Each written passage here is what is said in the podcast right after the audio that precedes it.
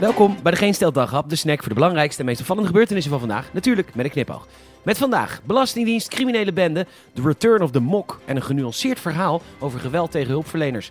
Mijn naam is Peter Bouwman, dit is het nieuws van vrijdag 29 oktober.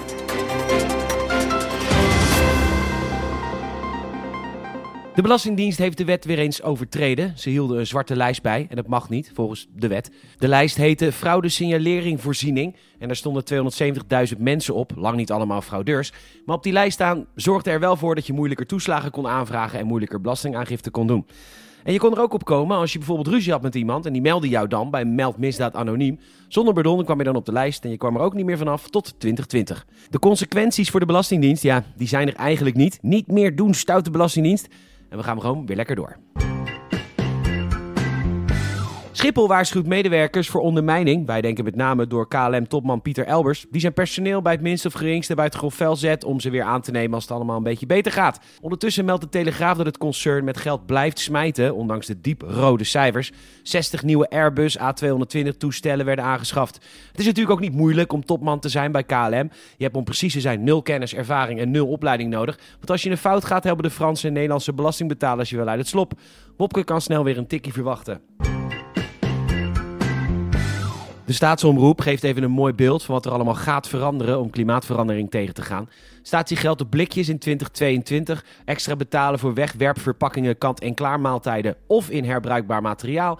Je eigen beker mee naar de koffiewinkel en op kantoor gewoon de ouderwetse mok. En wat is er mooier dan de ouderwetse mok? Een veel meer masculine naam als mok bestaat er ook niet. Echt zo'n heerlijke mok. Zeker niet met een toffe cartoon van onze huiscartoonist Cortés. Bestel nu alvast je mok bij geenstijl.shop. Goed stukje speurwerk bij de gevangenis van Zaandam. Medewerkers kregen via via te horen dat er een bal over de gevangenismuur zou worden geschopt tijdens een sportactiviteit. De sportactiviteiten werden geannuleerd en dat wisten de handlangers niet en dus kwam de bal gewoon over de muur. De inhoud, al dus de nos, hash, ecstasy, vloei, een telefoon en simkaarten, die zijn allemaal opgeslagen, de bal is vernietigd.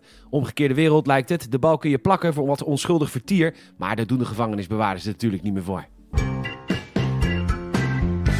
Lieve mensen, tijd voor nuance. Dat nuance dat we zo missen in deze tijd vol paniek, paniek, bedreiging, Peter R. Vries, paniek, nuance.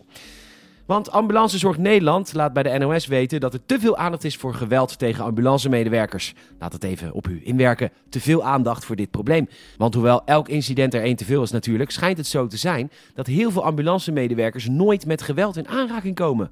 Wacht, is dat echt zo?